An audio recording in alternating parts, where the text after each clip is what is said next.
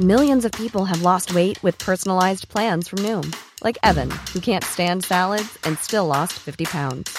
Salads, generally, for most people, are the easy button, right? For me, that wasn't an option. I never really was a salad guy. That's just not who I am. But Noom worked for me. Get your personalized plan today at Noom.com. Real Noom user compensated to provide their story. In four weeks, the typical Noom user can expect to lose one to two pounds per week. Individual results may vary. Cool fact a crocodile can't stick out its tongue. Also, you can get health insurance for a month or just under a year in some states. United Healthcare short term insurance plans, underwritten by Golden Rule Insurance Company, offer flexible, budget friendly coverage for you. Learn more at uh1.com. Many of us have those stubborn pounds that seem impossible to lose, no matter how good we eat or how hard we work out. My solution is PlushCare. PlushCare is a leading telehealth provider with doctors who are there for you day and night to partner with you in your weight loss journey. They can prescribe FDA-approved weight loss medications like Wagovi and Zepbound for those who qualify. Plus, they accept most insurance plans. To get started, visit plushcare.com slash weight loss. That's plushcare.com slash weight loss.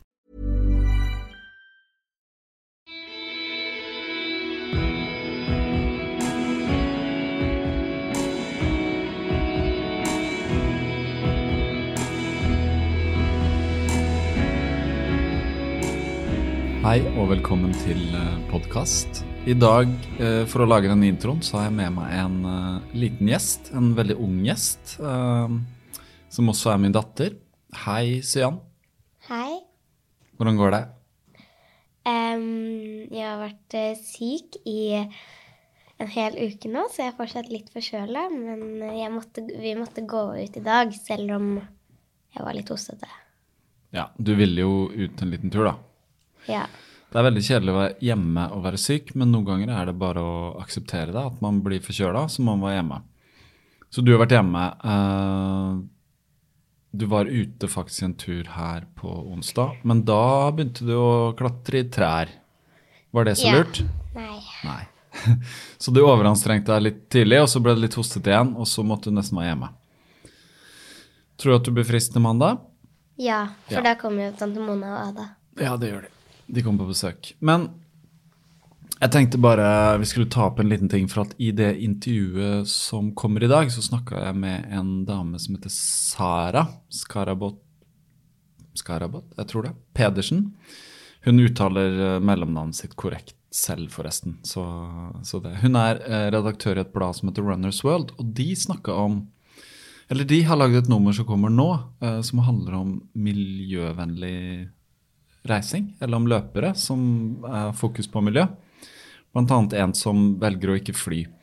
Og mens vi snakker om det, så har det jo vært en liten demonstrasjon i dag som vi snakka om at du skulle gå på, men egentlig er du for ung. Kan du si noe om det?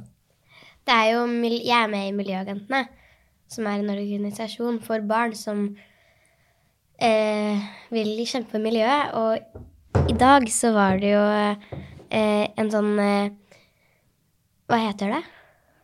Demonstrasjon? Ja. eh, Skolestreik? Skolestreik for klimaet. Ja. Og det er jo Altså, det er en Egentlig er det for femte til til syvendeklassinger. Som eh, Men eh, læreren min hadde sagt at hvis dere ville, så kunne dere gå. Men da står man jo der i fra ni til fire, og det blir jo litt kaldt når man er syk, og altså Ja, det er riktig. Og så er du egentlig også Siden det er egentlig 5.-7. klasse, men læreren din skrev vel en, en beskjed til alle foreldrene at uh, dere kunne gå, men da måtte du vite om det. At det ble i tilfelle ble borte. At det ble fravær. Men uh, hva, hva tenker du at vi Hvis vi bare Det er ikke noe sånn miljøintervju som kommer nå, men det bare slo meg litt. Jeg tenkte litt, da. At, hvilke tips har du for å være mer miljøvennlig? Du må passe på, faktisk En liten hark? Ja. Faktisk så var det jo For eksempel så er det jo sånn eh, Du må passe på når du eh, Jeg vet i hvert fall at jeg lærte at eh, sånne søppelkasser ute er ja. Uh, um, umiljøvennlige fordi de, de, eh, de Hva heter det? liksom, da blir det bare én greie. De blander Å ja, de blander. Ja, det er ikke noe kildesortering. Nei. Det er også veldig viktig. Og så er det jo det med global oppvarming. Det er jo, det er jo varmere, mye varmere enn det pleier å være. I går òg var det jo 14-12 pluss. Det er sant. Unnskyld at jeg ler, men uh, Man kan le, men ja. Det var faktisk ganske varmt. Og det er veldig u... Det er, det er uvanlig. Ja, det er det. Jeg har også tenkt på det at jeg syns Nå er det jo nesten sånn vårlig ute. Akkurat i dag er litt kjølig, men snøen har forsvunnet. Den forsvant mye fortere enn jeg trodde den ville gjøre i år. Ja. Og det I hvert fall her nede på gata. Det kommer jo ikke så mye snø. Og på polene er det jo nå isen smelter, isbjørnene dør. Ja, det er der vi ser trøbbel. Men hva tenker du? Greit, kildesortering, det gjør vi hjemme. Vi har tre sånne kasser. En med plast, en med mat og en med vanlig avfall. Og så går vi med glass og metall, og så har vi papir og sånn. Så det er det vi kan gjøre hjemme. Men hva med, med å reise med fly, da? Så det har blitt veldig mye fokus på. Hva tenker du om det? Jeg tenker at uh, hvis det er en mulighet for å kjøre tog, og, eller kjøre bil, så er jo det mer miljøvennlig enn fly. Fly slipper ut mye eller hva, eksos. Ja. Det slipper ut en eksos som er eh, For at det har jo en forbrenningsmotor, akkurat som bilen. Bare at det slipper ut mye mer, og så er det et problem at det slipper ut denne eksosen langt opp i atmosfæren. Ja. Så hvis vi kan reise med tog, ja. Uh, men nå er det ikke så veldig mange muligheter å reise med tog når man skal ta en helgetur og sånn. Alltid. Men vi kan planlegge litt bedre. Og vi kan tenke at uh, i feriene så uh, burde det være mulig å reise med tog. Kanskje man kan feriere mer i sitt eget hjemland istedenfor å reise helt til USA eller Afrika eller Asia. Og så kan vi jo tenke litt på hvordan vi spiser. Det kan vi gjøre. Jeg er jo vegetarianer og, og spiser nesten ingen ost, så der, det er jo en, egentlig en veldig god mulighet. For hvis du vil kjempe veldig mye for miljøet, så er det jo veldig fint hvis du, hvis du kanskje har en vegetarmandag, eller hvor du bare Ja. kutter kjøtt en dag i uka. En dag i uka bare. Én av syv dager kan man kutte kjøtt. Og det gjør en forskjell. Hvis alle gjør det, så gjør det en forskjell. Og det kan lede deg på stien til å kanskje kutte kjøtt flere dager i uka. Og det kan føre til at du finner på å lage noen nye retter. Kanskje. Det er mange ting vi kan gjøre, og vi kan snakke mer om det siden. Men uh, jeg tror uh, Nå skal du hjem og få deg en god kopp te, ikke sant? Ja. Ja. Så uh, da sier jeg tusen takk til deg, min datter Sian Katarina, for at du kom. Eh, kanskje vi kan snakke litt sammen seinere om løping, for du har jo Det kan du nevne kjapt. Du har løpt litt, har du ikke det? ja. Altså, men nå, nå har jeg vært syk. Jeg liker ikke å løpe på vinteren. Det gjør jeg ikke. Nei, det er forståelig. Men du har løpt f.eks. et løp som går i Tøyenparken, som Ja. heter Parkrun, Ja. som er fem kilometer. Ja, det gjorde du med letthet, vil jeg si. Mhm. Så er du klar for det igjen nå til våren? Ja. Ja, vi må begynne å trene litt, da. Bare Ja. litt av gangen. ikke sant? Noen rykker løp. Men du løper jo en del. Du har jo gym og svømming, og du holder på med klatring og alt mulig. Så det er ganske god form. Men takk til oss, Jan. Vi snakkes. Her kommer Sara. Hallo, Sara. Hva er mellomnavnet? Skarabat. Hvor kommer det fra?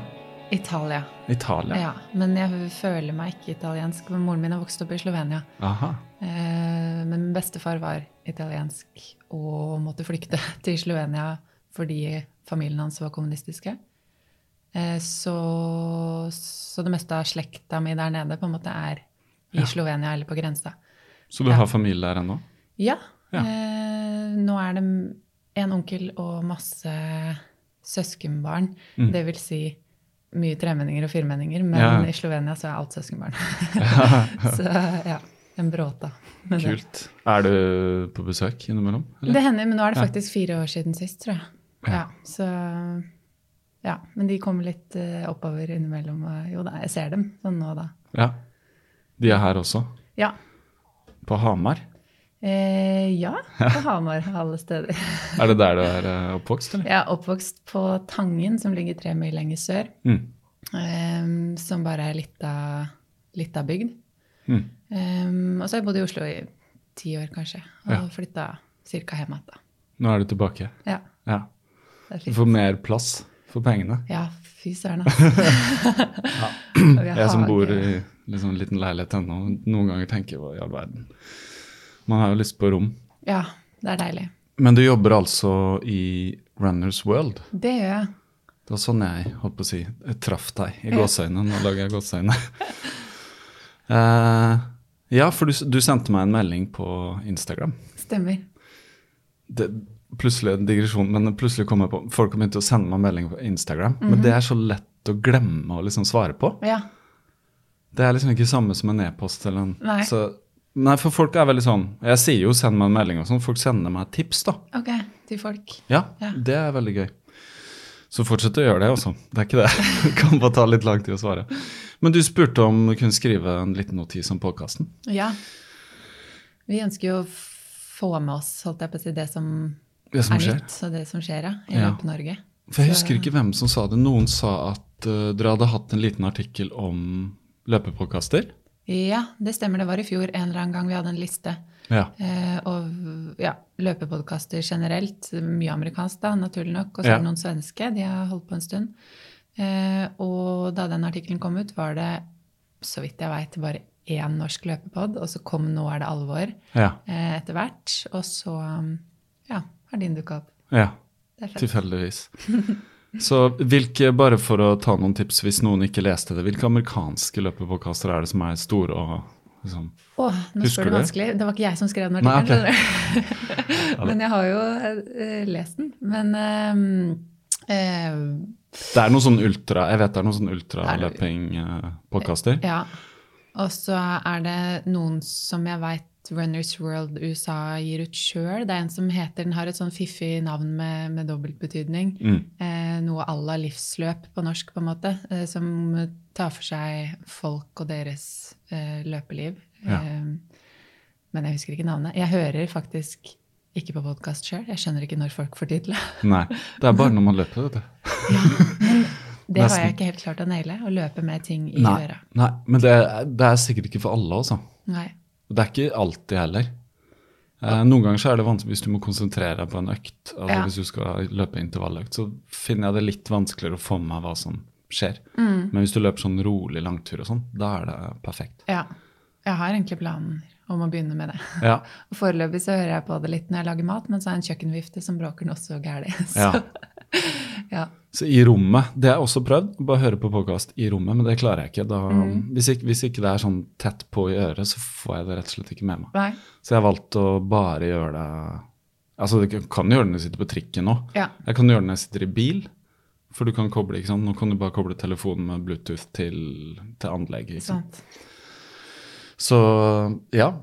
Um, men det jeg skulle egentlig spørre om Hva var det egentlig jeg skulle spørre om? Uh, ja, dere, dere skrev en liten om podkaster, og det jeg tenkte på, var at uh, hvilken podkast er det Eller hvilken var det som var Du sa en norsk løpepod som kom før Nå er det alvor. Det er den som heter Løpetid. Og den oppdaga jeg tilfeldigvis i går. Oh, ja! Så det var veldig rart, tilfeldigvis. Så så jeg inn på iTunes, på podkasten min, for noen ganger så titter man, ligger alt riktig, og så, ikke sant. Bare og så sto det sånn, andre abonnerer også på. ja. Og så var det en som plutselig dukka opp. For at sist uke så var det noe sånn Orderud-drapene. Jeg bare ja! Nei da. Og så dukka løpetid opp. Og så ja, løpetiden har jeg ikke hørt om, og så sjekka jeg, og det var mange episoder ute. Hadde begynt i 2017, tror jeg. Det kan stemme. Så det jeg gjorde på løpetur i går, jeg lasta inn den første episoden Ja. og den siste. Bare for å få litt oversikt hvor, hvor er de kommet. Så da hørte jeg på den første, og da skjønte jeg at det var en husker ikke navnet hans, som hadde tilknytning til Runners World. Og hadde- du ja. var på den podkasten. Stemmer det! ja, ser man der. Ser Ja, ikke sant? Bare veldig kort eh, så snakka du om Det var en, en forsker, eller en løper, som nå hadde forska på eh, Ja. Det var, litt sånn spesifikt på Ja. Han hadde, han hadde nettopp levert og disputert eh, doktoravhandlinga si, som handla om Dette var i 2017, ja. ja. Um, Det var noe om eh, oppbygging, trening gjennom vinteren lønner seg med ja. Periodisering og sånn. Ja. Altså det han, det han sa, som jeg husker, er at altså, trening øh, er egentlig et relativt nytt felt. Mm. Og man har bare tura på med beste praksis i alle år, og så er det først nå i senere tid at man begynner å etterprøve eh, og sjekke om beste praksis faktisk er beste praksis. Eh, og bare det er jo ganske interessant, egentlig. Mm. Eh, fordi det er jo veldig mange trenere rundt omkring som ja, bare antar at eh, dette er vel riktig. Slik For det har man alltid gjort. Ja. Um, ja, så han forska bl.a. på periodisering, fordi veldig mange deler opp året sånn at du kjører mye rolig liksom, eh, fundamentbyggende trening om vinteren, for så å kanskje ehm, øke tempoet og redusere mengden når det nærmer seg sesong. Og så fant han vel ut at du kan godt kjøre litt av alt gjennom hele året, og det har ikke noe å si. Nei. Ja, det, da ble jeg litt glad når jeg hørte det, for at jeg fikk litt sånn Hetta, gjør det feil? Ikke sant? Men, uh, Men, bare legg inn et lite forbehold, da, for nå Mm. husker jeg jo ikke helt ehm, alle detaljer. Men jeg tror det var ca. oppsummeringen. Men Ja. så mener jeg også å huske at han um, Han hadde ikke én stor doktoravhandling, det var vel mer en artikkelsamling, så det var jo flere ting de også fant ut og forska på. Ja. Mm. Så man kan selvfølgelig gå dypere inn i det. Eh, det jeg snakka litt om på denne podkasten her, som jeg følger nå, eh, er et eh, treningsprogram som legger opp til sånn 80-20-fordeling. da. Ja. Hvor liksom 80 Og det er det ganske konsensus om, så vidt jeg har forstått, at mye rolig. Mm. Men så er det litt sånn hvor rolig skal rolig være? Og noen har sånn bare sone én, at det er nesten sånn Altså det er veldig rolig, da. Men han her legger opp liksom sone én og to, da. ja. Så du, alt rolig blir telt også i sone to, og det var annerledes enn det jeg var vant til fra før. Ok. Så mye av den løpingen jeg driver med nå, er liksom også sone to. Og det er det han kaller sone to er liksom under ventilatory threshold. Det vil si, hvis du må begynne å puste veldig aktivt, da er du på en måte for høyt, da. Ja. En grei regel. Ja, veldig grei regel, egentlig. Men jeg merker jo det at uh, det som har skjedd med meg, er at farta på en måte i sone 1 og 2 har blitt høyere i forhold til samme puls som før. da. Så det virker som man responderer på det. Ja. Og resten er liksom tempo eller intervaller. ja. Men de intervallene er ikke naila helt ennå. Okay. Men uh, nå har det jo vært vinter, ikke sant? så man er sånn litt inne på Bislett. Jeg har prøvd meg litt ute. Så er det litt bakker, så jeg har prøvd meg på mølle. Jeg har liksom ikke funnet hvor, hvor skal jeg liksom gjøre det. da. Ja. Så ja, det er ikke så Men uh, for å bare ta litt om, om, om deg. Du sendte meg en liten notis, holdt jeg på å si, du skrev. For du har jo bakgrunn eh, fra friidrett. Ja. Litt seriøst, egentlig? Eller sånn sats, satse litt? Forsøksvis, kanskje. Ja. Eller Ja. Jeg ble i hvert fall tatt seriøst, og jeg likte å prøve å ta det seriøst. Mm. Hadde en dyktig trener. Men begynte jo altfor seint, sånn egentlig. For du skrev du var 15, Um. Ja, noe sånt. Hva gjorde du før det? Nei, du vet. Fotball. Ja, ja, Korps og teater og det, det den vesle bygda mi hadde å tilby. ja. Det var man jo med på. Men, men veldig aktiv barndom allikevel. Mm. Og, og vokste opp på et småbruk, så, det, så jeg løp jo rundt hele tiden. ja. Eh, og, og ja, som jeg også skrev til deg, så det var liksom Det var så riktig å løpe, på en måte. Så du det- likte det? Ja. Jeg har sånne brokker av liksom minner som man på en måte har sett se litt sånn utenifra, eh, på en måte, fra jeg var liten. Eller minner hvor jeg ja, ser meg sjøl utafra. Mm. Uh, hvor jeg flyr ned en bakke, liksom, med storebroren min, eller store, fosterbroren min, som var ganske mye eldre enn meg, i hælene. Og han klarte jo ikke å ta meg igjen. Jeg tenkte det, faen, jeg er så jævlig god til å løpe, liksom. Dette er min greie. Ja, ja. Så hvor, Ja. hvordan hadde det seg da at du begynte, altså kom inn i friidretten og organisert og alt det her? Eh, Litt tilfeldig, tror jeg. Men det eksisterer noen sånne ungdomsskolemesterskap hvor, hvor man blir tatt ut eh, til å representere sin skole i et friidrettsmesterskap. Mm. Og mm, ja, konkurransen var kanskje ikke så stor, eh, for jeg var ikke noe supertalent, men jeg, altså, jeg kunne løpe. Så det var um, Ja, så jeg ble alltid tatt ut på sånne ting, da. Og kanskje i høyde og lengde og sånn også. Uh, og stafettlag og ja, diverse sånne regionale oppgjør. Mm. Um, og ja. Og så er det en uh, Altså Stange, eh, en annen liten bygd som ligger ikke så langt unna Tangen hvor jeg vokste opp. Og det har jeg hørt om. Eh, Stange. Stange, ja. Der eh, hadde de, eller de har, en av landets første innendørshaller, tror jeg, med rundbane 200 meter doserte svinger. Så der var det jo et, et friidrettsmiljø. Og jeg gikk på ungdomsskole på Stange, så da var det lettere å, å si, få innpass der. Og da kjente man kanskje noen fra Stange som også drev med friidrett. Og så, ja. Så, mm, så begynte jeg med det etter hvert. Men da var det ikke noe mellom- og langdistansemiljø. Så jeg husker den første treninga, så sa treneren bare gå og finn deg i startblokk, og så setter du den opp der, og så tar du noen 200-metersdrag. Så Hva er det, liksom? hva er en startblokk? Hvor langt er 200 meter? Eh, og det beskriver for så vidt mange av, av de påfølgende treningene også, at jeg syntes det var dritskummelt. Men jeg opplevde en sånn ekstrem mestring i etterkant, liksom. Og så ble det etter hvert et mellom- og langdistansemiljø, og vi fikk en trener som var tidligere løper og, og fysioterapeut, og veldig kvalifisert for oppgaven, og, og tok oss seriøst. Og ja, klarte å skape et godt miljø, da. Eh, og var flink til å, å se oss, men også å pushe oss. Um, og da, da fortsatte, fortsatte jeg på en måte litt med det og grue meg litt, men, men oppleve sånn skikkelig mestring. Og Jannicke nevnte det også, at hun var litt redd for intervalløkter. Mm. Men eh, gud, så godt det føles etterpå når man liksom får det til ordentlig. Mm. Så det var sånn det var, på en måte. To ganger i uka. Og det er Allerede den beste følelsen, da. slutten av tenåra? Ja. ja. Ja. Ungdomsskole, videregående alder. Mm. Så det ga meg masse, ass. Mm. Mm. For jeg også løpt i friidrett som barn, men ga meg før du. Altså når jeg var 14, så var det liksom, da var det slutt. Da hadde jeg holdt på litt med turen og sånn.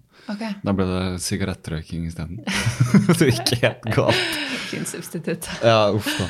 Nei da, men eh, så når jeg løp på barneskolen, da var det jo veldig lite organisert. Jeg husker vi løp veldig mye ute. Jeg trente i FIF, Fredrikstad idrettsforening, for jeg vokste opp der. Og da husker jeg Det jeg husker best, er enten løping ute om vinteren eller inne i Kongstenhallen, som det Ok. het, nede i Fredrikstad. Og da var det sånn 60 meter og sånn, men jeg var ikke noe spesielt god på det. Men jeg hadde det i høyde og lengde, fordi jeg var liten og tynn og spretten. Eh, så jeg husker at vi som var liksom flinkest i høyde, også skulle trene litt ekstra høyde. Men jeg husker ofte at vi kom, og så var det ikke noen trenere der. Og så måtte vi bare finne ut liksom, av ting selv. og sånn, Så det var veldig, sånn, veldig forvirrende tid. Ja. Det er kanskje en utfordring til friidretten. Det er liksom ikke like Eller det er vanskelig å organisere det på samme måte som et fotballag, da, hvor du har én trener og én oppmann, og så har du de 11-12 jentene som skal Ja. ut der og gjøre akkurat det de skal gjøre, si. Mens, eh, mens friidrett spriker så mye mer. Veldig, altså. Nå er jeg jo selv trener i min gamle klubb. Ah, Så, så det, jeg ser det på en måte med et nytt blikk nå, da, som forsøksvis voksen. så nå har du en liten gjeng med løpere? Jenter og gutter, eller? Ja. Ja. Mellomdistanse og, ja, og litt lenger. Så det er skikkelig fint. De er sånn fra 14 og oppover. Mm. Hvor langt tok det deg Altså, hvor langt kom du som, som løper selv? Altså, hvor lenge holdt du på? Jeg holdt vel på til jeg var 23. Ehm, ja, rundt der. Men kom liksom ikke særlig langt. Og jeg visste jo for så vidt hele tiden at jeg, jeg aldri blir noen knakende god 800-meterløper. Um, og jeg naila liksom ikke helt konkurransesituasjonene heller. Jeg ble ekstremt nervøs. Det er ikke så innmari mange konkurranser, så man rekker liksom ikke å, å ta brodden av før sesongen er over. Nei. eh, Hvis det går an å si det. Um, For det er noe man må trene på også. Ja. Stille til start og? Og du føler deg veldig eksponert utpå der, i truse og magetopp, liksom. Mm. Ja, det skjønner jeg. Så, um, så nei. Men jeg har jo noen gode liksom, konkurranseminner, og jeg kunne jo for så vidt ønske at jeg holdt på litt lenger for å tyne det, men det er vanskelig å for, altså, og for å få en god konkurransesesong, så fordrer jo det at du også prioriterer vekk alt for å kunne møte opp på de relativt få stevnene som var, da. Mm. Og det er vanskelig hvis du skal sjonglere to sommerjobber og forsøke å smette inn litt ferie. Og, ja. og det handler jo selvfølgelig om prioritering, men det er mulig at jeg bare ikke var eh, motivert nok, da. Nei. Og så tyna jeg det for så vidt relativt lenge litt av prinsipp, fordi jeg syns det er synd at um, ja, særlig kvinner senior, mellomdistanse eller friidrett generelt, er jo eh, Det er ikke veldig mye bredde i toppen der. Nei, det virker ikke sånn. bredde generelt. Um, mens det er litt, eh, litt bedre på guttesida, eller herresiden, da. Um, så, så i selv de liksom største stevnene i Norge, så var det ja, vi fylte vel kanskje akkurat uh, hver bane, da. Åtte, kanskje ti løpere i ett felt. Og, så har du mange av de som løper på 2,10 og bedre på 800 meter. Og så var det jeg og kanskje ei til som drev og rota nede på 2,20-tallet, liksom. og, og ser man til andre land, f.eks. Nederland og Belgia, så er, det, så er det sikkert tre hit, liksom, og folk løper ned på tre minutter, men de stiller allikevel. Altså, det er mye mer rom for å drive med friidrett sjøl om du veit at du ikke blir verdensmester. på en måte. Og det mangler det kanskje litt i Norge. Ja, for det virker som veldig mange driver med ski. Mm. Men friidrett er litt mer sånn sært, eller vi har kanskje ikke den tradisjonen, Nei, det, er, Nei, det ligger sikkert noe der, vil jeg tro. For det trenger jo, sånn som du sier, at du trenger noen som kommer inn og er en trener og bare tar tak i ting og ja. Og så er det jo litt skummelt. Ja. Fordi det Ja, det er utrolig tallfesta og Veldig. Og veldig Ja. kort, da. Ja. Altså 800 meter og sånn. Jeg husker det løper jo også vi fordi vi var så unge, da. Men jeg husker at før jeg ga meg, så var jeg oppe på 1500 meter, men det var 800, liksom. Og jeg, jeg var også bakerst eh, for det meste der. Uff da. Ja, nei, er absolutt ikke et løpetalent, så det har fortsatt det til gode å forløse det talentet. Det er det man jobber med nå da i middelalderen. Bare yes! hvor fort kan man løpe halvmaraton? Ja. Eller hvor langt, eller hvor det Ja, ja men jeg liker det så mye bedre. ja, det er, det er veldig deilig da, å bare Ja. ha, ha seg selv å tenke på. Ikke, for jeg, jeg husker også det som veldig skummelt å stille til start. Mm. Jeg husker vi også dro, ikke sant? Vi dro til Sverige og, Ja. og løp sånn stevner. Uten foreldre og litt sånn liksom, Ja, du vet, finne ut av ting selv også. Men det er veldig, selvfølgelig veldig dannende da, Mm. når man er ung. Å kunne reise bort og bare sove i en gymsal og alt det der. Absolutt. Så, så det var moro, men jeg husker at uh, jeg, likte, jeg likte kanskje ikke å være sliten. Det var mye gøyere med høyde og lengde, for var sånn, det var veldig sånn spesifikt. da. Ja. Du løp bort, og så hoppa du eh, opp Ja. i en sandgrop, og så var det liksom Det var det. Mm. Eller du gjorde det tre ganger på et stevne. ja. Så det, det var uh, Jeg husker at høyde var veldig gøy, for jeg naila teknikken. Oh. Det er veldig teknikk, ikke sant? ja. Akkurat steg og hvordan du Altså, Så lenge du har litt, er litt spretten, så Ja. kommer du liksom over, men det er det veldig sånn der timingen, da. ja. Så det, det var gøy. Eh, løping var noe annet. Det var sånn løp alt du har, og så håpe at det gikk greit, liksom. Ja. Eh, ja.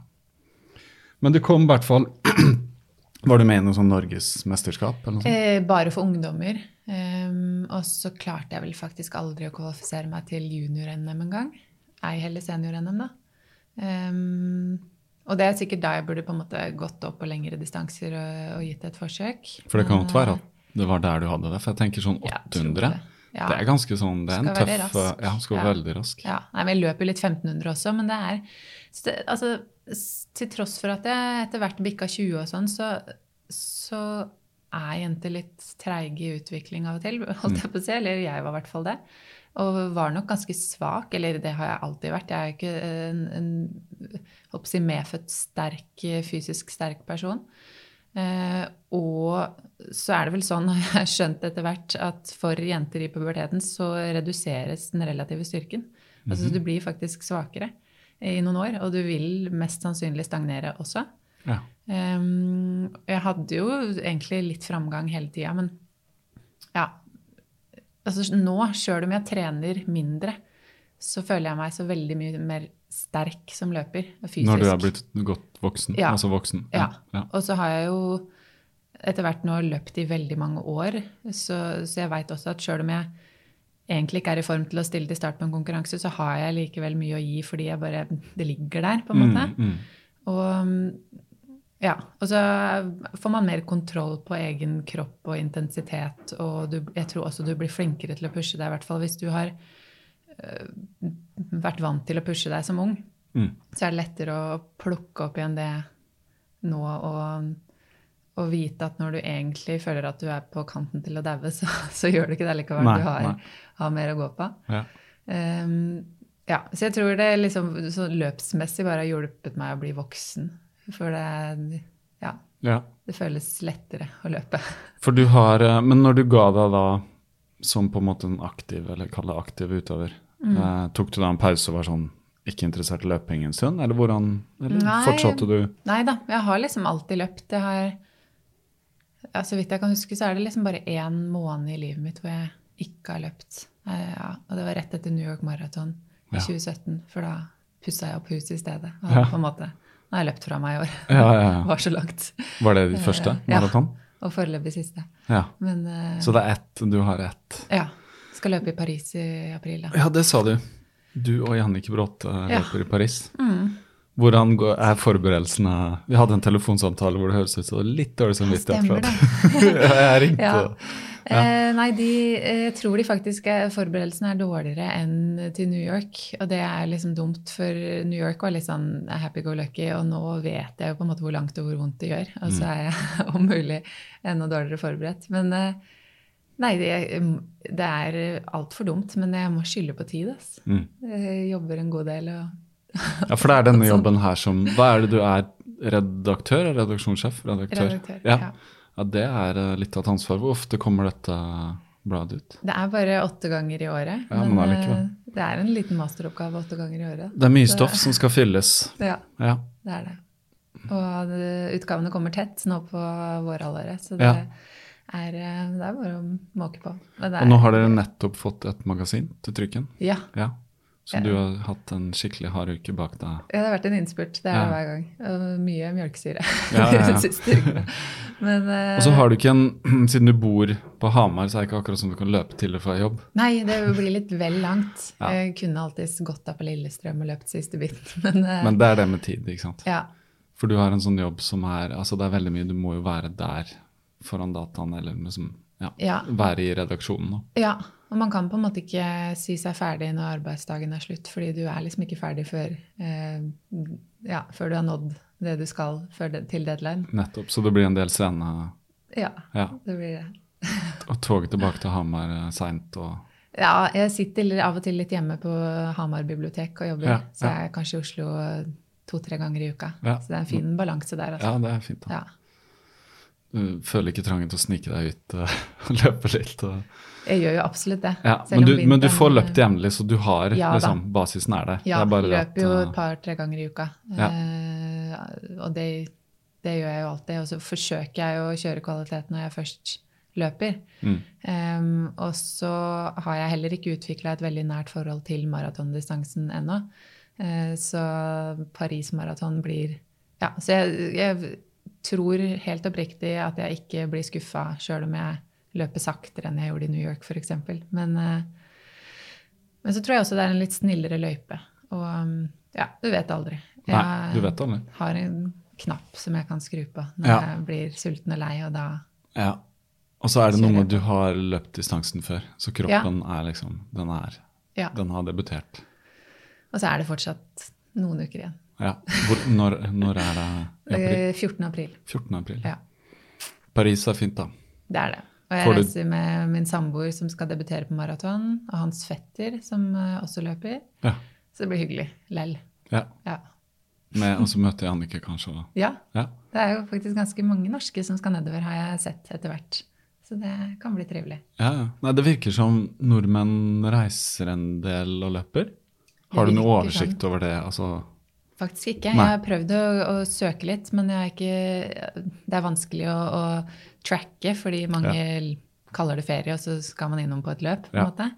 Men vi har jo fokusert litt på det i den utgaven som gikk i trykk nå for et par dager siden, fordi eh, vi har valgt å ja, kjøre et stort tema om miljøvennlig og bærekraftig løping, for å kalle det det. Eh, eller fra et løpeperspektiv, da, blir kanskje mer riktig å si. Eh, og da har jeg intervjua to-tre løpere som eh, i større eller mindre grad har slutta å fly. En har slutta helt å fly. Så, og han er eh, en dyktig dansk løper. Eh, fjelløper fra Danmark. Jeg visste ikke at det eksisterte, men det gjør det. hvem, hva heter han? Simon Grimstrup heter han. Ja, ja. Og jeg, jeg hadde ikke hørt så mye om han tidligere, men det viser seg at han er, han er jo i verdenstoppen. Og har deltatt i VM i, i ultraterreng, eller var det Nei, fjelløping. Ja. Mm.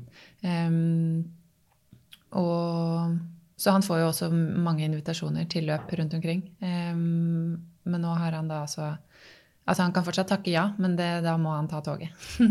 Så, så- det, det må skje i Europa, da, rett og slett? Ja, eller i Asia. Han, ja.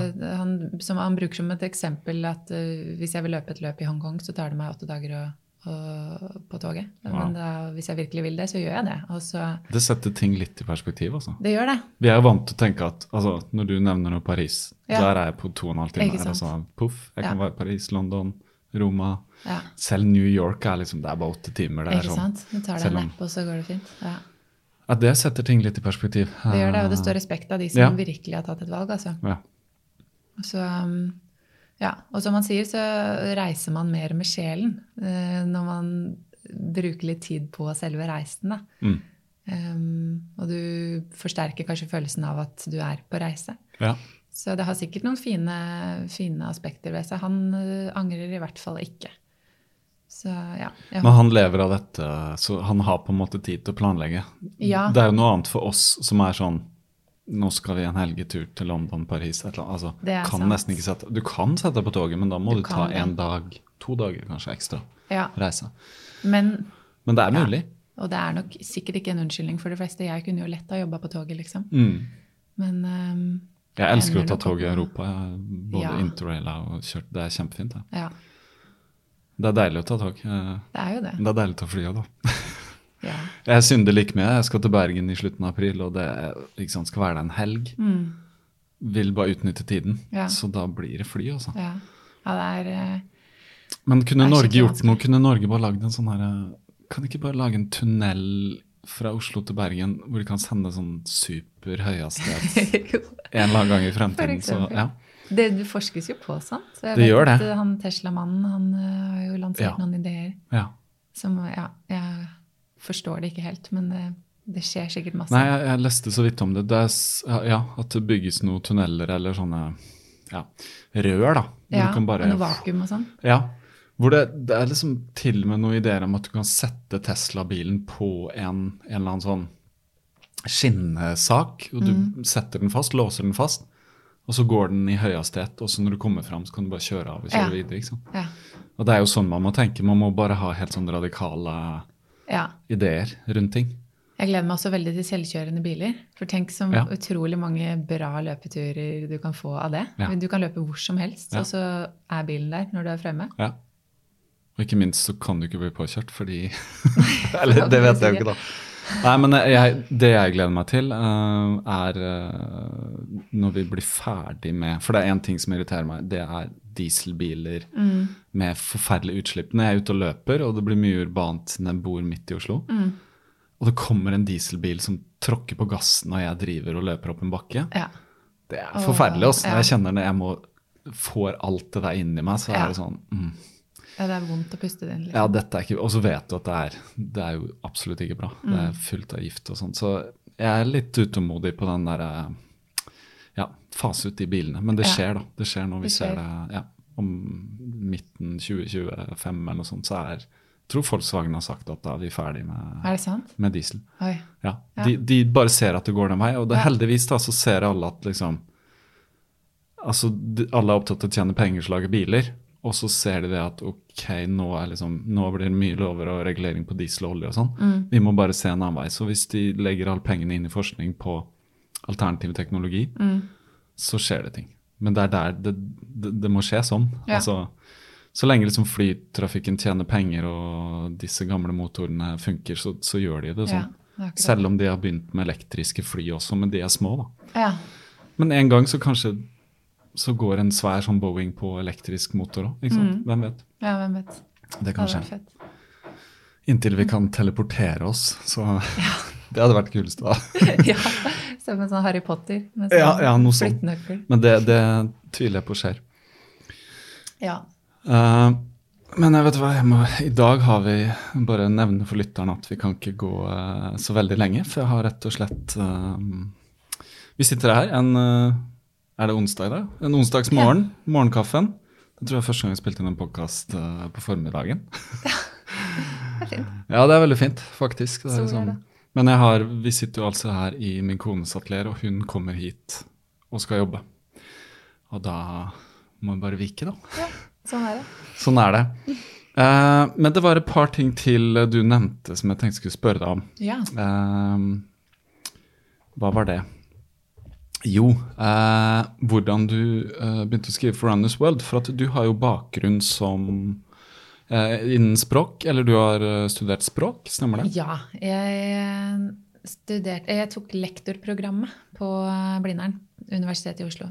Um, og det er en fin pakke, syns jeg, fordi du får lov til å ja, Du velger deg jo to undervisningsfag, um, men det er på en måte ikke sånn som lærerhøgskolen at du har innbakt didaktikk og pedagogikk i faget. Mm. Uh, så du får bare ta et skikkelig dypdykk ned i, i, faget, og deretter får du et år med pedagogikk sånn på tampen, og så tar du en master som du også kan få lov til å uh, ta faglig og ikke mm. didaktisk. Um, og ja, nå jobber jo ikke jeg som lærer, så jeg har bare valgt å liksom kjøre på med, med, med, med fagfeltet mitt, som er, ja, endte opp med å bli nordisk språk og litteratur. Um, ja, og så har jeg den peden i tillegg, da. Så du kan um, gå ut og undervise i språk? I norsk og ja, så videre? norsk og engelsk er, er mine fag, da. Ja. Men det er uh, norsken som jeg også tok master i. Ja. Så um, ja. tenk, tenk, litt på det her når vi sitter her og lager norsk podkast, og så vet jeg at veldig mange hører på engelsk podkast. Mm. Så jeg hører på noen norske podkaster, og jeg tar meg selv i det å dra inn engelske ord mm. og uttrykk. Ja. Blir veldig bevisst på det selv nå når jeg tenker på det, så finner jeg ikke det norske ordet. Mm. Er det noe du er bevisst på? Ja, men så tenker jeg òg at jeg jeg må bare skille på skriftlig og muntlig. Uh, og så må jeg bare snakke akkurat som jeg snakker. Og det er jo en, knoting mellom uh, kall det radikalt bokmål og standardisert uh, østnorsk talemål og, og, engelske låneord. Og altså, ja. Banner sikkert mer enn jeg burde, jeg òg. Altså, men det er det muntlige. Og så, og så kan jeg heller um, renske litt opp i det når jeg skriver, da. Men ja. Og så er språket i endring. Så at vi putter inn noen engelske ord, tenker jeg er greit. fordi av og til så fins det ikke helt nøyaktige synonymer på norsk. Eh, men så er det litt viktig å ikke glemme de norske gode orda, som ofte kan erstatte de engelske, da, mm. tenker jeg også. Jeg sa det i går til eh, Hva er det heter? Synonymordbok? Ja. Min kone satt og skrev. Hun skriver veldig mye, da. Mm. Um, og så skrev hun, og så var hun sånn Å, hva er et annet ord for? Og så sa hun sånn så tenkte jeg, burde vi kjøpe en synonymordbok? Mm. Altså bare for å få litt rikere språk ja. Inn. Ja, jeg eh, bruker eh, ja. synonymordboka.no ofte. Altså. Ja, ok. Det er, ja. Der, ja. det er mange forskjellige. Litt varierende kvalitet. Men eh, det hender du kommer på sporet av noe. hvert fall. Hvis du ser at oi, her har jeg brukt det samme ordet tre ganger i et avsnitt. liksom. Og, jeg tar meg selv også i Jeg skal ikke bli for selvkritisk, men jeg sitter og lager introen og sånn, og bare um, prøver å snakke prøver å komme i en flyt og ikke mm. har skrevet noe, mm. så tar jeg meg selv og gjentar de samme setningene. Ja, ja. Kanskje fordi man er redd for å ta en pause og tenke. ikke sant? Fordi, Sikkert. Ja. Men det er, det er, en øvelse, da. Ja. Så, ja. Men det er, det er viktig. altså om du driver med radio eller podkast eller lager blad altså Språk mm. er jo viktig. Det det. Og et rikt språk er jo veldig berikende. Derfor vi elsker god litteratur. ikke sant? Derfor jeg å lese Knausgård, for han er dyktig med språket. Ja. Rett og slett. Eller gode engelske forfattere. Ja. Engelsk er et veldig flott språk, da. Det er det. Og rikere enn en det norske. Ja. Men uh, jeg har jo en litt ekstra forkjærlighet for uh, norsk, eller nordisk, ja. litteratur og språk. Så du har lest mye nordisk litteratur? Ja, masse. Er det noe du kan anbefale til lyttere? Sånn, ja, altså jeg har så mye. Fra toppen av hodet, bare? sånn? Eh, det siste ja, vi snakka om før vi begynte å, snakke ordentlig her, holdt jeg på å si. Lars Saabye Christensen er liksom en som har fulgt meg i alle år, og som jeg har plukka opp igjen nå i det siste og lest de, de to-tre nyeste av han. Det er fantastisk. Og han får frem Oslo på en sånn nydelig måte. Mm. Uh, og det er, det er, sjelden noe spenning, men det er mye bildung og oppvekst og Ja, ja. Jeg, har, jeg, har, bare lest den eh, hans klassiker, da. Beatles. Ja. Oppvekstromanen. Mm. Og den leste jeg jo når jeg var sikkert i tenåra, og den er jo fantastisk. Mm. Virkelig, virkelig ja, en Og jeg husker en rar anekdote, men jeg husker at jeg traff han Jeg satt ved siden av ham på flyet. Oh, ja. Dette er lenge siden. Da var i militæret i Bodø. Mm. Og så hadde jeg Veldig merkelig å komme på dette, men jeg skal si det. Jeg hadde uh, vært på konsert med Seimen. Husker du Seimen? Det norske bandet Seimen? Nei. De sang jo på norsk. Har du ikke hørt om Seimen også? Nei, Er det, er det flaut?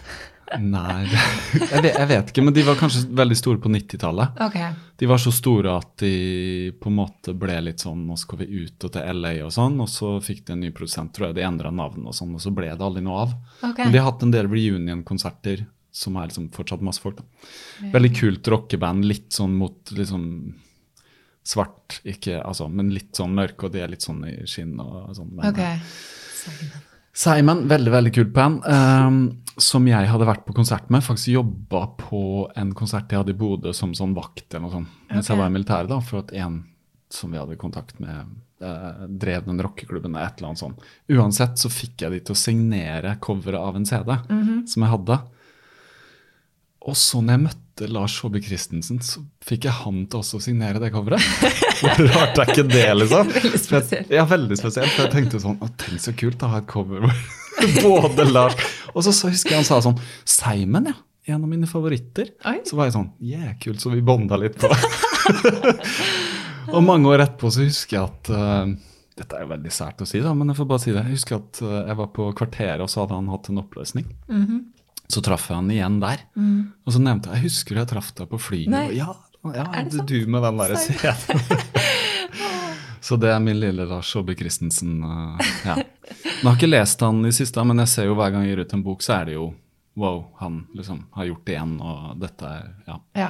Men er han ikke dessverre nå ble han syk? Det vet jeg faktisk ikke. Jeg tror han ble Eller kanskje jeg roter. Ja, jeg mener at han ble syk eh, At han er syk, eller oh. har fått Nei, det, skal, det, det må jeg sjekke opp. Men, eh, Jeg mener jeg leste ja. det. Ref eh, litteratur og sånn, så har jeg Ja. faktisk klart å, og også fått lov til av min ansvarlige redaktør å snike inn litt litteraturtips i, eh, i den utgaven som kommer nå Mm. i slutten av april.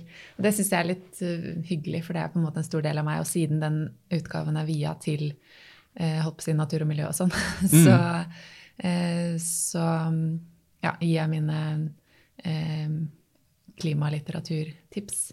Jeg liker ofte å dele litteraturen jeg leser, den skjønnlitterære, i, i liksom bolker. Av og til skjer det litt ubevisst, da. Men, eh, og det gjorde det vel kanskje i fjor. Og så fører jeg alltid ned alle, alle romanene jeg har lest i løpet av et år. Og så, ser jeg, og så kan jeg plassere de etter hvert at ok, de, de der hadde jo samme tematikk, så de går i den bolken. og det er jo mange eldre nordiske menn om dagen som skriver liksom krøniker og slektskrøniker og historiske krøniker. så det blir en bolk, og så ja, blir klimalitteratur. Er det, ja, for det skrives en del av det også nå. Ja, bare, bare det Hun at det Maja- er, Maja Maja Lunde. Ja, for Maja eksempel. Lunde. Bare det at det har blitt eh, en slags sjanger. Mm. I hvert fall bruker kritikerne den termen. Ja. Det sier jo litt om ja, hva vi står overfor og hva slags tid vi er inne i. på en Ja, måte. det gjør det. Så ja. Men Det er leder meg inn på å tenke på, på lydbøker, da. For Mm. greit podkast, men jeg har også løpt med lydbøker. Men det har dessverre vært amerikansk. Altså, fordi Mm. jeg hadde sånn Audible uh, Amazon er vel det. ja. Jeg har også hatt Fabel-abonnement. Jeg lurer på om Mm. jeg har det ennå, men det har vært litt sånn pga. barna. At de har kunnet høre lydbok, uh, blant annet når vi tok flyet helt til USA og sånn. Uh, Men det er jo også en super måte å få inn litteratur på. Mm, uh, Å bare høre lydbok når du løper. Mm, Så vi må slå et slag for det òg. Skru av denne podkasten med en gang og sette på en lydbok. Nei da. Men jeg, jeg på en måte legitimerer det med det at jeg får lov til å snike inn litteraturtips i et løpemagasin, at uh, utgaven kommer ut rett før påske. Og det mest sosialt aksepterte du kan gjøre i påskeferien, er jo å være utendørs og være i fysisk aktivitet om dagen, for så å ligge langflat på kvelden Og lese. og lese. Ja. Gjerne. Uh, ofte krim da i påsken. Mm. uh, men altså, har du lest en krimbok, så har du lest dem alle. Si. Egentlig Nei, har du Ja, det er ikke lov jeg skal si ikke sikkert, snakke med eh, krimsjangeren, men jeg må innrømme at jeg, livet er for kort til å lese krim, Ja. tenker jeg. La oss bare si det sånn, da. Ja. Og så kan du heller Ja, lese hvis du er uenig. Men jeg forst, ikke det at jeg ikke forstår at folk leser krim, for spenning, Ja, det er jo tiltalende, liksom. det er det. Vi lever jo supertrygge liv, og så vil vi ha litt spenning i hverdagen, og da ser vi enten en serie, eller så leser vi en krimbok. Ja. Men jeg tenker hvis jeg skal lese, så vil jeg heller ha ja, noe annet, da. ja. Helst. Ja. Så var det sagt. Eh, men, men i hvert fall det, det du skrev som var litt morsomt, var at du leste i Runners World og hang deg opp i skrivefeilene. Ja. Og så sendte du en mail. Eh, Ja. Så du, du bare du fikk jobb rett og slett ved å si hei, dette kan jeg gjøre. ja, det stemmer. For greia, det må vi nesten ta med. For altså, som vi snakka om tidligere, så slutta jeg jo eh, med friidrett på et tidspunkt. Og syntes det var skikkelig kjipt, egentlig. For jeg innså at liksom, er, jeg har ikke noe på en måte framtid på tartandekket. Mm. Og um, ja, det, det i seg sjøl var på en måte greit, men jeg var skikkelig redd for å på en måte miste en veldig stor del av min identitet. Da. Som Jeg var løping? At, ja, Mm. jeg tenkte at hvis jeg slutter med friidrett, så kan jeg på en måte ikke kalle meg en løper lenger. Hvem er jeg da, liksom? Så, så jeg måtte gå noen runder med meg sjøl der. Um, og så Ja, jeg tror jeg flytta på det tidspunktet, så det var liksom litt sånn omveltninger. Uh, ja, For første gang så bodde jeg helt aleine i en studentbolig oppe på Kringsjå. Mm. Uh, I nærhet til skogen. Og da bodde jeg Da var jeg nabo med Martin Lager, som nå skriver trenerspalten i Runners World. Eh, og han har jo alltid løpt og også, kommer også fra friidretten, så jeg kjente ham. Eh, så tror jeg vi lagde middag en kveld, eller noe sånt, og så nevnte jeg det at jeg liksom hadde begynt å abonnere på Runners World. Og så sa han ja, men er ikke det, kanskje det er noe for deg, liksom? Jeg har jo tenkt liksom litt på det, kanskje jeg bare skulle sendt en mail. Og så sier han bare noe så enkelt som ja, men bare gjør det, da vel. Og så mm, ja, tenkte jeg liksom ja, hvorfor ikke? For da hadde de nettopp starta Ja, norsk. hadde, det hadde dukka opp i, i feeden min på Facebook en annonse. Og da begynte jeg vel liksom så smått å innse at jøss, finnes det løpere utenom friidretten? Finnes det et miljø? Går det an å kalle seg en, en løper sjøl om man ikke løper rundt i trusa med piggsko? Liksom? Ja, ja. Ehm, så jeg abonnerte, da, og fikk den første utgaven. Og det var sikkert bra. Jeg husker ikke så godt, men jeg husker mest det at jeg hang meg opp i noen sånn irriterende skrivefeil.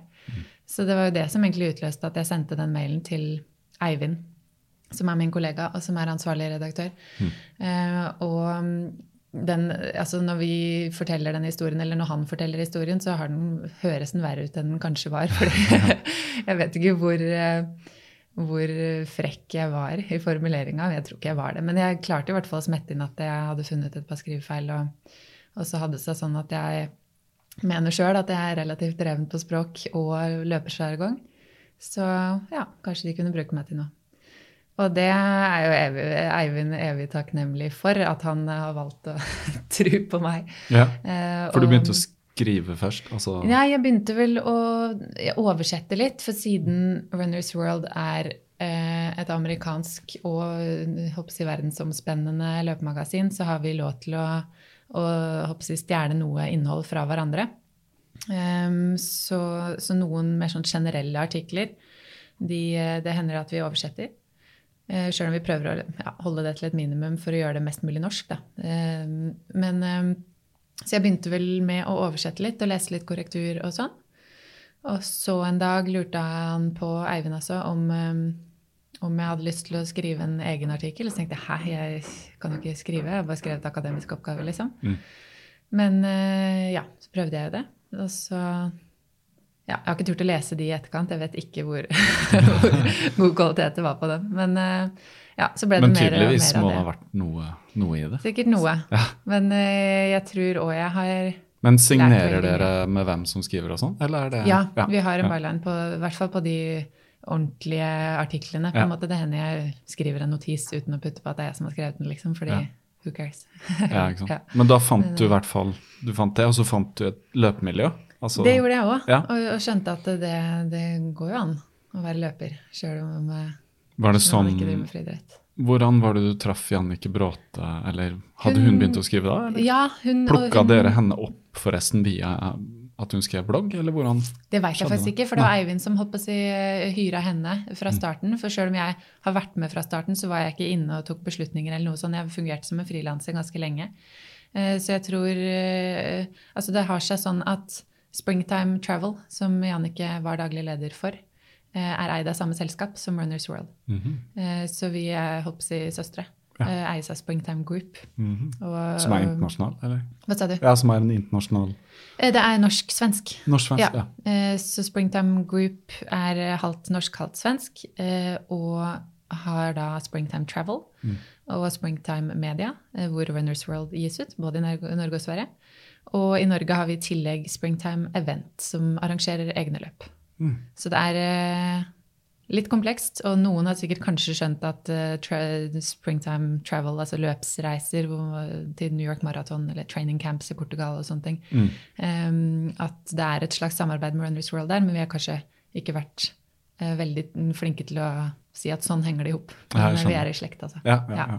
Så Jannika var, var på en måte med Sikkert kanskje litt på grunn av det, Ja. vil jeg tro. Jeg ser jo på Det virker som dere har på websiden også en del som skriver eh, om løping eller sin løpehverdag, som ikke trykkes, da. Ja, vi har noen bloggere på nettsiden Ja. som på en måte er en del av vår eh, storfamilie. ja. Det er skikkelig fint.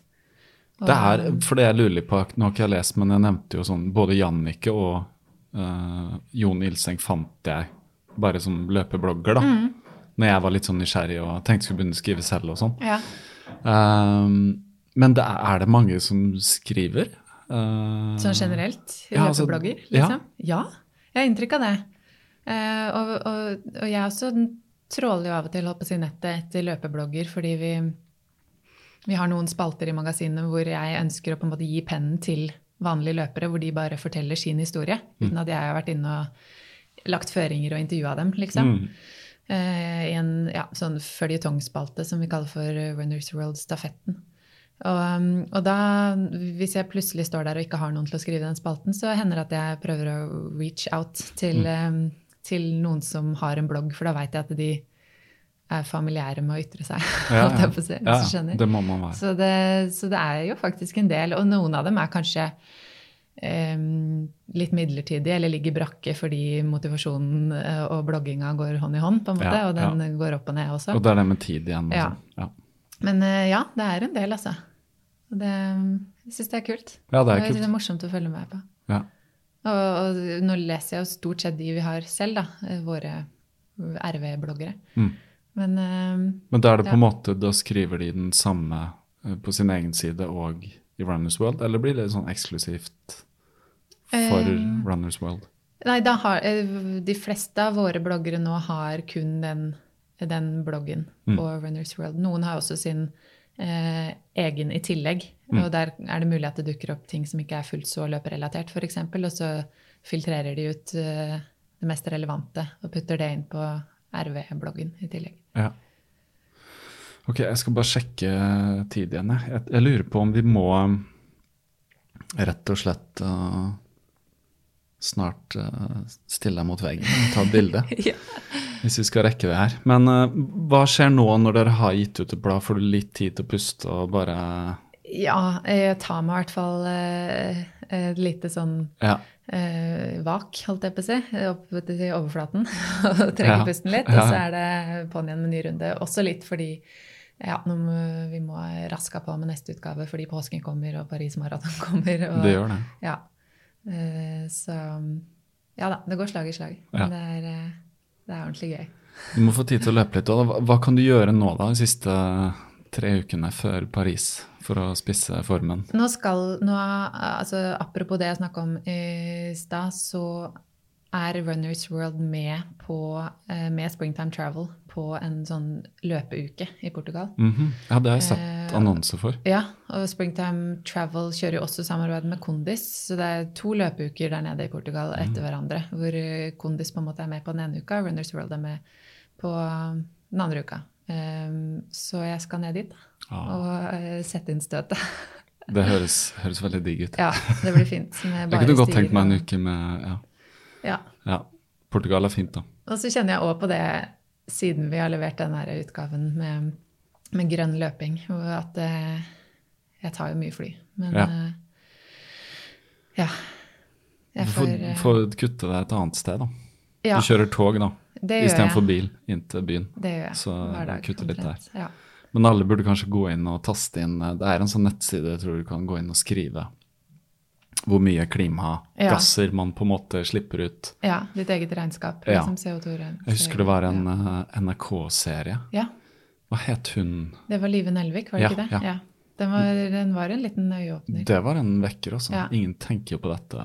Du fikk det sånn fysisk med sånne store kuler, på en måte. Ja, jeg husker jeg regna det ut da, men da bodde jeg i en leilighet. Mm. Ehm, nå bor jeg i et hus, og det gjør eh, vel at eh, forbruket mitt holdt jeg på å si har gått opp, tror jeg. Ja.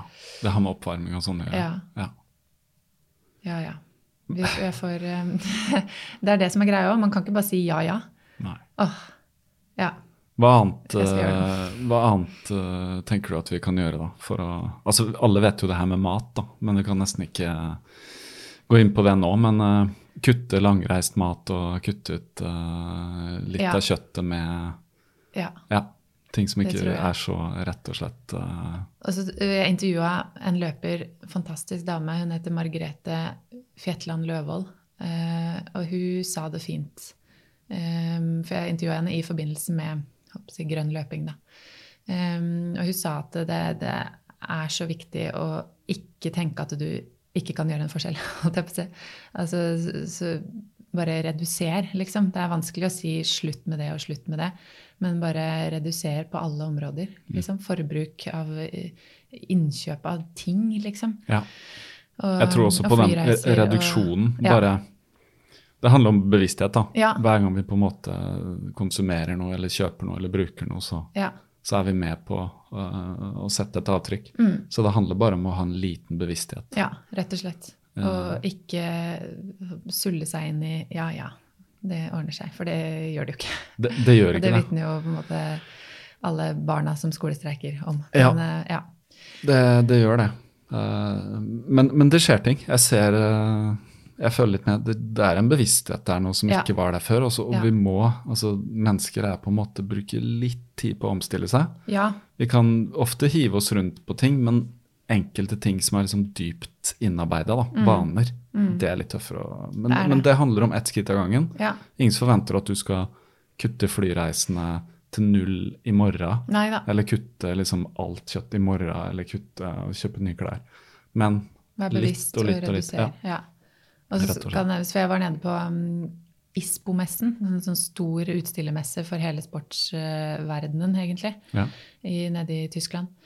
Og der også ser jeg at alle utstillerne, alle merkevarene innenfor friluftsliv og sport, de, det de løfter fram og fokuserer på i slagorda sine og i de store postersene, eh, plakatene, Mm. er et eller annet forsøksvis miljøvennlig. Da. De har Ja. veganske dunjakker, det er eh, redusert så og så mye, det er mindre mikroplast, det er resirkulert, det er Blue Sign-merka osv. Osv. Og så kommer jeg tilbake på flyplassen, så ser jeg at den eh, bedyrer at, eh, at den skal bli miljøvennlig innen 2030. Og så kommer jeg tilbake på Gardermoen, så ser jeg reklame for økologisk iskaffe. Og, altså, ja, så det er overalt. Men så er det samtidig viktig å, og, på en måte ikke tenke at ah, nå har jo verden våkna, nå skjer det jo masse her. Men det er liksom ikke veganske dunjakker og økologisk iskaffe som kan redde oss heller. Nei, det er Så det. ja, det er viktig å være bevisst, men så er det viktig å være bevisst på at man, man må faktisk handle også. Mm. Og nå ble dette plutselig liksom en eh, klimaappell Ja, ja. på slutten. Ja, men klimaappell er uh, greit. Vi skal jo komme mer inn på det etter hvert også. Uh, Ja.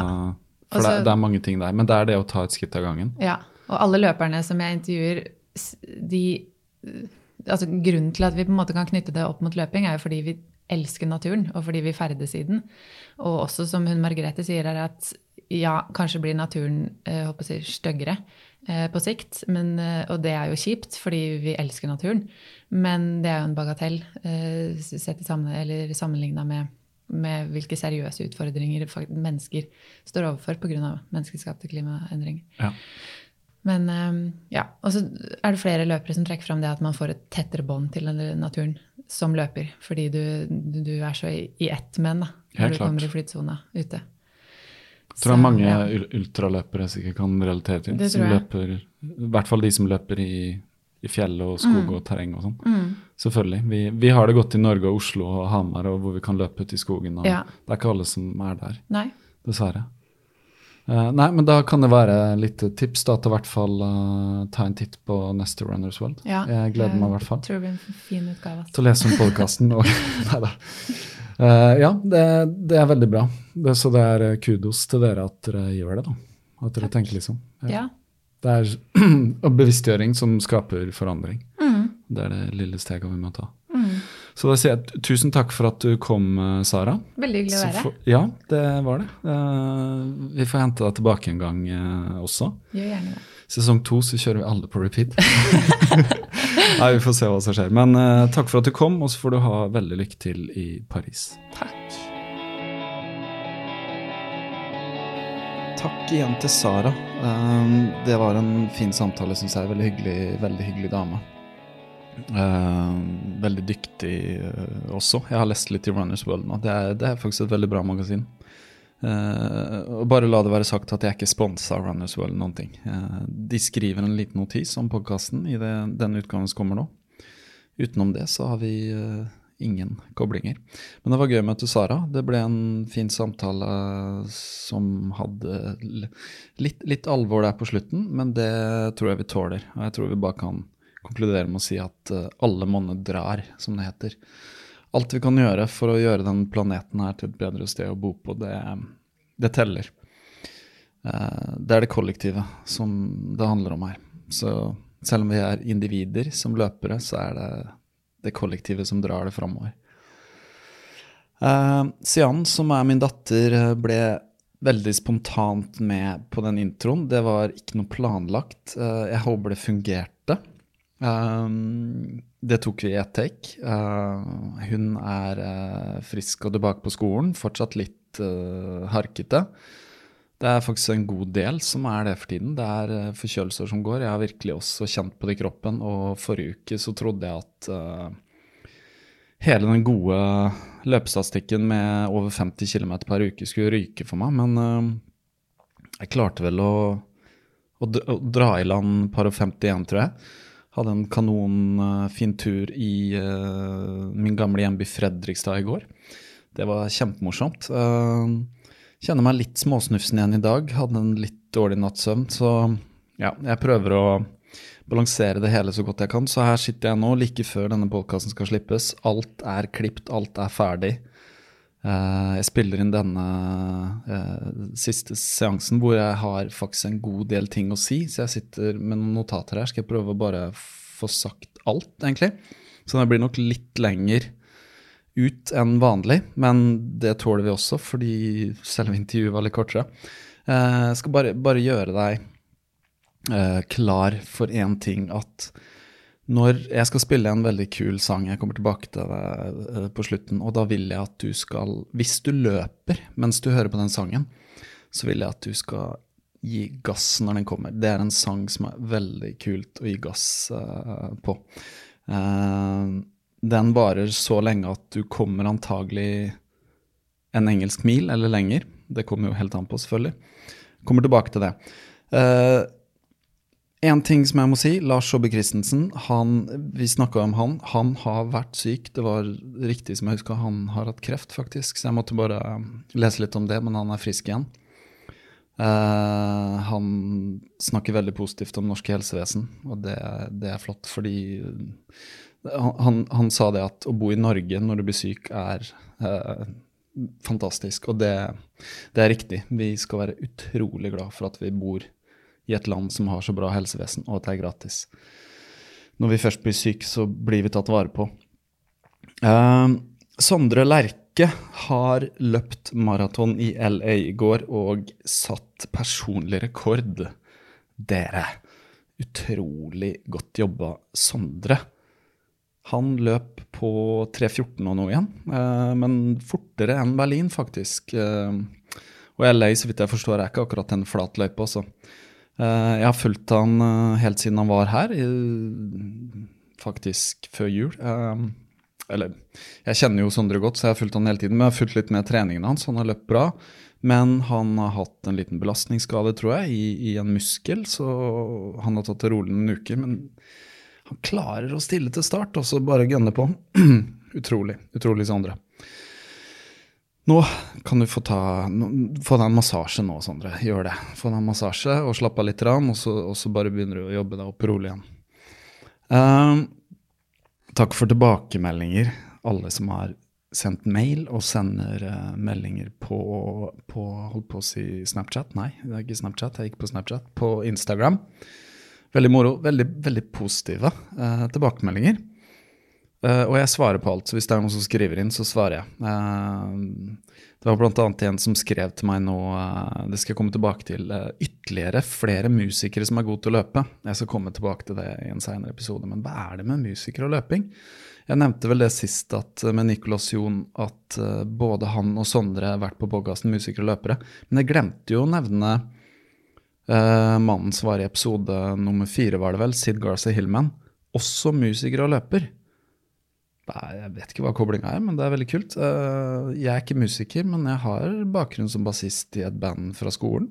Vet ikke om det teller, men jeg er veldig glad i musikk. det håper jeg du også er. Um, så igjen, takk for alle tilbakemeldinger. Dere som skriver til meg, så pleier jeg å svare gjerne skriv på iTunes en, en, um, en anmeldelse. Det er uh, veldig morsomt. Hjelper hele podkasten til å bli mer synlig. Det er litt sånn, Jo flere som skriver anmeldelser, jo flere vil se den antagelig. Den dukker opp i feeden osv. I iTunes der inne. Uh, så vil jeg bare si at eh, Brady Corbet, som var på uh, besøk uh, i episode nummer syv, hans film Voxlux har premiere nå på fredag. Altså nå snakker vi denne uka, nå er det for meg, og når denne podkasten kommer ut, mandag 25. mars, og den har premiere på fredag 29. Uh, I Oslo, i hvert fall. Så hvis dere har mulighet, så er Voxlux premiere premiereklar på fredag. Jeg skal dit.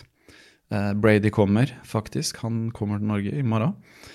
Uh, en ting som var litt spesielt, som jeg så faktisk at han skrev posta på Instagram tidligere, er at uh, komponisten Scott Walker, som har lagd musikk til begge hans filmer, og som vi spilte, eller jeg spilte på slutten av den episoden med Brady. En veldig veldig vakker låt som heter 'Yearning'. Scott Walker har dessverre gått bort. Han er uh, nå borte. Uh, han ble 76 år. Veldig trist. Uh, jeg vet ikke om alle er klar over egentlig hvilken stor komponist han er. dere får bare, står, Jeg ser det står om dem både på VG-nett og Dagbladet og Dagsavisen, og sånt, så dere kan ta en titt der. Og lytte litt til hans musikk. Han har en veldig lang karriere og gjorde utrolig mye flott eksperimentelt veldig tidlig. Og altså lagd musikken til eh, Brady sine to filmer. Også veldig, veldig fin filmmusikk. Uh, og nå kommer jeg til slutten her, hvor uh, jeg har uh, noe som er ganske Hva heter det? gira på å fortelle. Og det er at vi nevnte jo Jeg hadde jo en liten anekdote om Simon i løpet av den episoden, som dere har hørt. Jeg hørte jo på Simon når jeg var i slutten av tenåret. Jeg hørte vel Simon kanskje for første gang midt på 90-tallet. Når Simon ga ut um, en EP som heter uh, 'Hjernen er alene', hvor de covrer uh, De Lillos briljante låt 'Hjernen er alene'. også en briljant cover. og jeg møtte jo de, som jeg nevnte, i Bodø. Og så satt jeg og tenkte litt denne uka her, hva om vi kunne spilt en Simon-låt på slutten av uh, eh, podkasten? Og det jeg gjorde i sted, jeg ringte Kim Jong, uh, tidligere bassist i Seimen, og spurte han. Han tok telefonen, det var jo veldig flaks, da om uh, jeg kunne spille en låt. Og uh, etter å ha forklart litt podkast og hva jeg drev med, og sånn, så sa han ja, ja, ja, det er ikke noe problem å bare spille. Og han huska den, det møtet. Sinus het det, det stedet i Bodø. Så hvis det er noen i Bodø som hører på, så hvis det fins ennå, og hvis du var der, så er det jo kjempekult. Um, alle har vel ikke hørt om Simon, og alle har kanskje ikke hørt uh, den låta som vi skal spille. Jeg gikk rett og slett helt tilbake til den første EP-en jeg ga ut, som heter uh, Pluto. Uh, låten heter 'Fra X til døden'. den er ikke for de sarte. Er, det er en ganske hard rockelåt, men jeg må si at den har tålt tidens tann. Uh, den bare like kul å høre på i dag som jeg husker den for uh, ja, 25 år siden. Så nå uh, må du bare gjøre deg klar til et godt drag. Her kommer Simon med 'Fra X til døden'.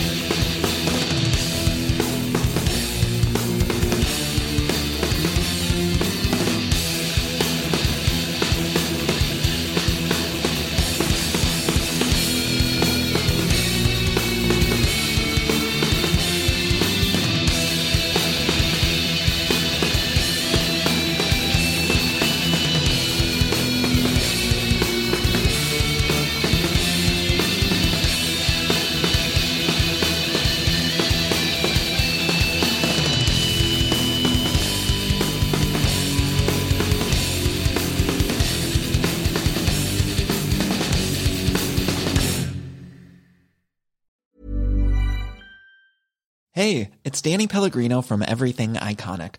Ready to upgrade your style game without blowing your budget? Check out Quince. They've got all the good stuff shirts and polos, activewear, and fine leather goods, all at 50 to 80% less than other high end brands. And the best part? They're all about safe, ethical, and responsible manufacturing. Get that luxury vibe without the luxury price tag. Hit up quince.com slash upgrade for free shipping and 365 day returns on your next order. That's quince.com slash upgrade. Hold up. What was that? Boring. No flavor. That was as bad as those leftovers you ate all week. Kiki Palmer here, and it's time to say hello to something fresh and guilt-free. Hello Fresh. Jazz up dinner with pecan-crusted chicken or garlic butter shrimp scampi. Now that's music to my mouth. Hello Fresh. Let's get this dinner party started. Discover all the delicious possibilities at hellofresh.com. Even when we're on a budget, we still deserve nice things. Quince is a place to scoop up stunning high-end goods for 50 to 80% less than similar brands. They have buttery soft cashmere sweaters starting at $50, luxurious Italian leather bags, and so much more. Plus, Quince only works with factories that use safe, ethical, and responsible manufacturing. Get the high-end goods you'll love without the high price tag with Quince. Go to quince.com/style for free shipping and 365-day returns.